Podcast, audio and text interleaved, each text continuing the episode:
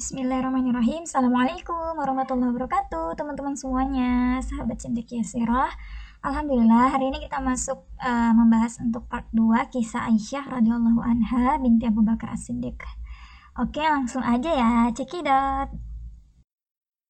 Aisyah radhiyallahu anha sosok teladan dalam intelektual dan tempat bertanya.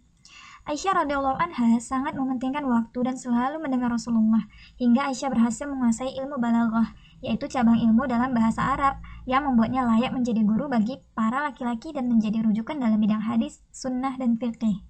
Dalam hal ini, Az-Zuhri mengatakan, apabila ilmu Aisyah dikumpulkan dengan ilmu seluruh para, para wanita lain, maka ilmu Aisyah lebih utama. Berkata apa? Aisyah adalah wanita yang paling fakih atau paling paham tentang agama dan pendapat-pendapatnya adalah pendapat yang paling membawa kemaslahatan untuk umum. Hakim Abu Abdillah mengatakan Aisyah membawa seperempat syariah Islam. Urwah bin Zubair berkata, saya tidak melihat seorang pun yang lebih pandai dalam masalah ilmu fikih, kedokteran, dunia pengobatan, dan sastra atau syair selain Aisyah radhiyallahu anha termasuk dalam perihal ilmu faraid, yaitu ilmu waris yang dikenal sulit. Hal tersebut sesuai keterangan dari Mashruk bin Al-Adza. Dalam beberapa kasus, Aisyah mengkoreksi pemahaman para sahabat dan menjadi rujukan dalam memahami praktek Rasulullah Wasallam. Masya Allah. Berkata Ibnu Abdil Bar, Aisyah adalah satu-satunya wanita di zamannya yang memiliki kelebihan dalam tiga bidang ilmu, ilmu fikih, ilmu kesehatan, dan ilmu syair. Hisham Ibnu Urwah meriwayatkan dari ayahnya, ia berkata, Aku pernah bersahabat dengan Aisyah. Aku tidak pernah melihat seorang pun yang lebih memahami suatu ayat yang turun, suatu keajaiban, suatu sunnah, atau sebuah syair. Tidak pula ada yang lebih kuat dalam meriwayatkannya. Atau suatu hari yang berjalan di kalangan bangsa Arab, nasab tentang hukum maupun kedokteran, dibandingkan dengan Aisyah. Berarti memang Aisyah ini sangat-sangat paham, sangat-sangat luas kecerdasannya teman-teman dan ilmunya.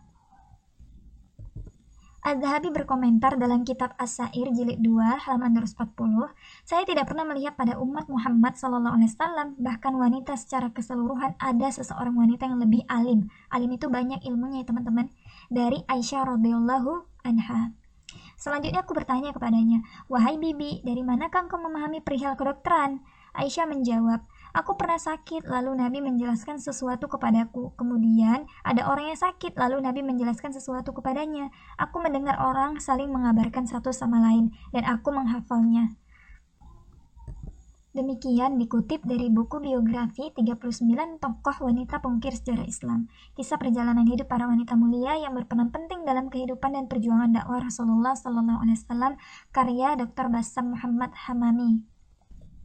Mengamalkan ilmu Ilmu yang dimiliki lantas diabdikan pula di tengah masyarakat muslim, terutama bagi para muslimah. Dia misalnya langsung mengajari untuk mengenakan tabir sebagaimana diwajibkan atas istri-istri Rasulullah. Sebaliknya, Aisyah sangat membenci kaumnya yang melanggar hukum Islam yang pernah dia sampaikan saat menerima rombongan wanita Himsya. Himsya itu nama suatu daerah yang berjarak beberapa mil dari Madinah. Kata Aisyah, jangan-jangan kalian termasuk golongan wanita yang sering memasuki kamar mandi terbuka atau kolam. Maksudnya di sini kolam yang nggak tertutup ya terbuka gitu ya yang bisa dilihat oleh laki-laki juga. Nah Aisyah tidak pernah mempermudah hukum kecuali jika sudah jelas dalilnya dari Al-Quran dan Sunnah. Pasalnya Aisyah memiliki kesempatan untuk bertanya langsung kepada Rasulullah jika Aisyah menemukan sesuatu yang belum dia pahami tentang suatu ayat. Sayyidah Aisyah menjadi perempuan yang paling banyak meriwayatkan hadis Rasulullah. Ibnu Sa'ad pada kitab Tabaqat mengenai generasi perawi hadis menghitung sekitar 700 perawi muslimah yang pernah ada dan berada di ranking pertama tersebutlah nama Aisyah binti Abu Bakar. Dalam buku Women's Rebellion and Islamic Memory tahun 1996, penulis Fatimah Mernisi memperkirakan bahwa Aisyah menghasilkan hadis lebih banyak daripada Ali bin Abi Thalib, sepupu sekaligus menantu Nabi Muhammad. Dalam bukunya, Fatimah Mernisi mengutip pendapat Ibnu Hajar, yaitu pengarang dari 17 jilid Fath al-Bari, bahwa Ali bin Abi Thalib hanya meriwayatkan 29 hadis dan Aisyah bisa meriwayatkan 242 hadis.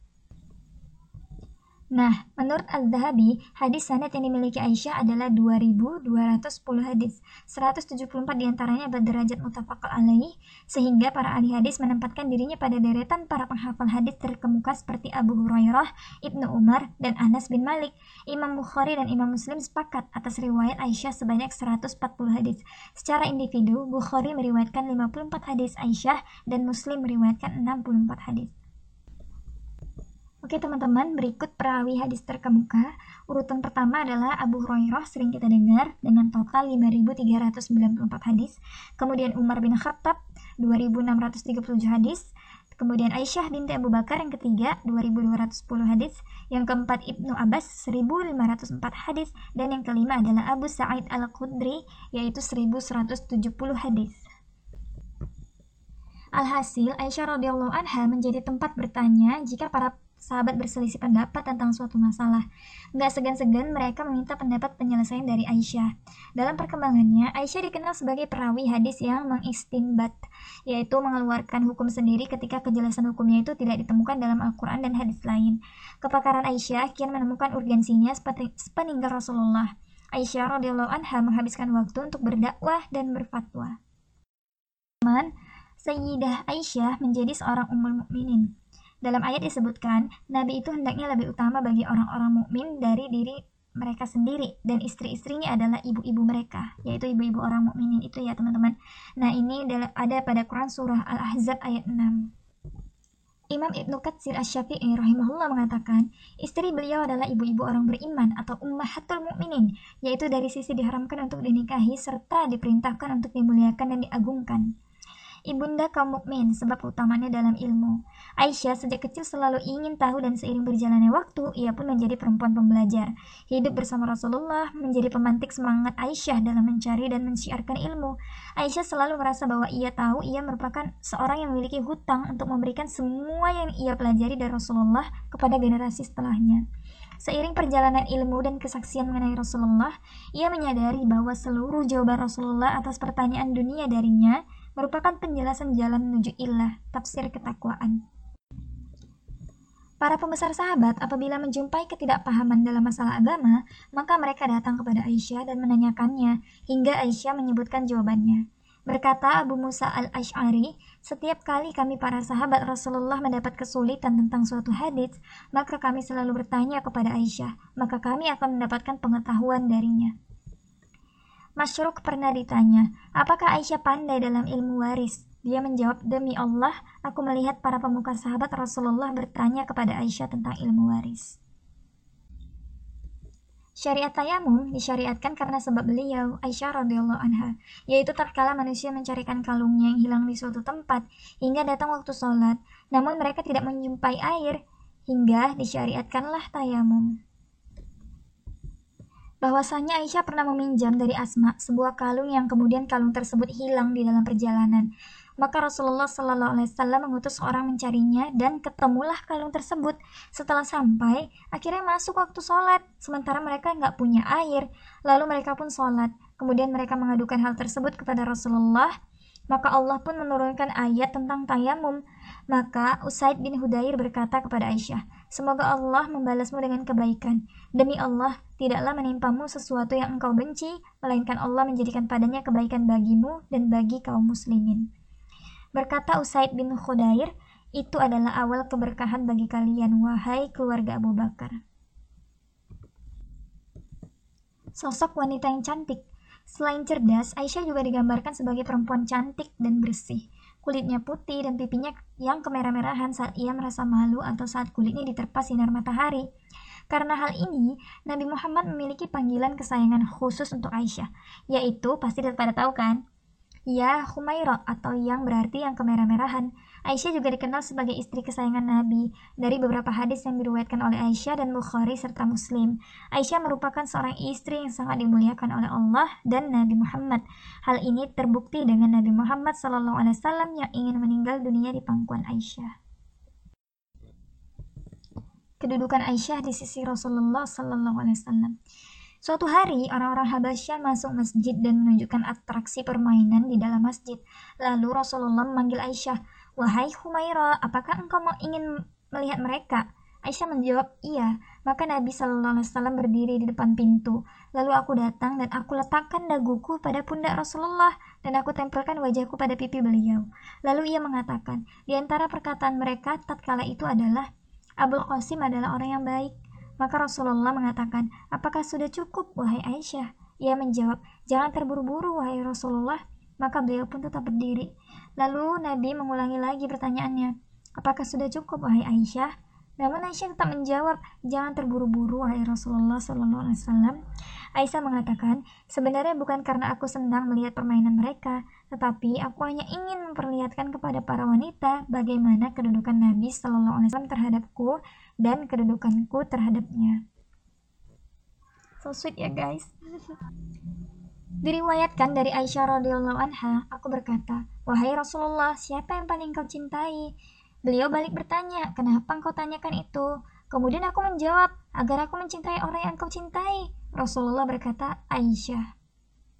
Diriwayatkan pula dari Aisyah, Rasulullah berkata, "Apakah engkau bersedia untuk menjadi istriku di dunia dan akhirat?" Jawabku, "Tentu bersedia." Demi Allah, maka beliau bersabda, engkau adalah istriku di dunia dan di akhirat. Masya Allah. Banyak keutamaan yang ada pada diri Aisyah, sampai-sampai Rasulullah Sallallahu Alaihi Wasallam mengatakan dalam sabdanya, Orang yang mulia dari kalangan laki-laki banyak, namun yang paling mulia dari kalangan wanita hanyalah Maryam binti Imran dan Asiyah istri Fir'aun. Dan keutamaan Aisyah atas semua wanita seperti keutamaan Sarid, Sarit itu merupakan makanan yang terdiri dari potongan roti dan potongan daging yang dicampur dan disertai kuah kaldu dan merupakan makanan yang paling utama dan kebanggaan bangsa Arab saat itu. Sarit ya teman-teman. Nah, jadi keutamaan Aisyah ini seperti sarit atas segala makanan lainnya. Jadi benar-benar utama gitu ya, benar-benar spesial. Hadis ini ternyata diriwayatkan oleh Abu Musa al-Ash'ari dan Anas bin Malik. Adapun Abu Musa al-Ash'ari radhiyallahu anhu, maka beliau adalah sahabat yang telah dipercayakan oleh Ali bin Abi Thalib sebagai wakil Ali sebagai hakam dalam perang Siffin. Hal ini menunjukkan akan penghormatan dan kepercayaan Ali bin Abi Thalib kepada beliau. Ternyata Abu Musa al-Ash'ari radhiyallahu anhu telah meriwayatkan sebuah hadis yang agung tentang keutamaan Ibunda Aisyah tadi ya kan teman-teman. Bahkan sebagaimana akan datang Abu Musa al-Ash'ari telah menjelaskan akan luasnya ilmu, ilmu Ibunda Aisyah. Sehingga kalau ada sahabat yang tidak paham tentang sebuah hadis, maka mereka bertanya kepada Aisyah. Canda Nabi kepada Aisyah radhiyallahu anha.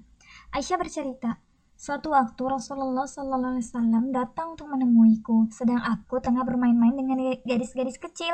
Lalu Rasulullah bertanya kepadaku, apa ini wahai Aisyah? Lalu aku katakan, itu adalah kuda Nabi Sulaiman yang memiliki sayap. Maka Nabi Shallallahu Alaihi Wasallam pun tertawa. Suatu hari Rasulullah SAW berlomba lari dengan Aisyah dan Aisyah menang. Aisyah bercerita, Nabi SAW berlari dan mendahuliku, namun aku mengejarnya hingga aku mendahuluinya. Tetapi tatkala badanku gemuk, Nabi SAW mengajak lomba lari lagi, namun beliau mendahuluiku. Kemudian beliau mengatakan, Wahai Aisyah, ini adalah balasan atas kekalahanku yang dahulu. Masuk ke tentang kisah kecemburuan Aisyah radhiyallahu anha teman-teman. Sayyidah Aisyah pernah cemburu karena kenangan Rasulullah kepada Sayyidah Khadijah radhiyallahu anha.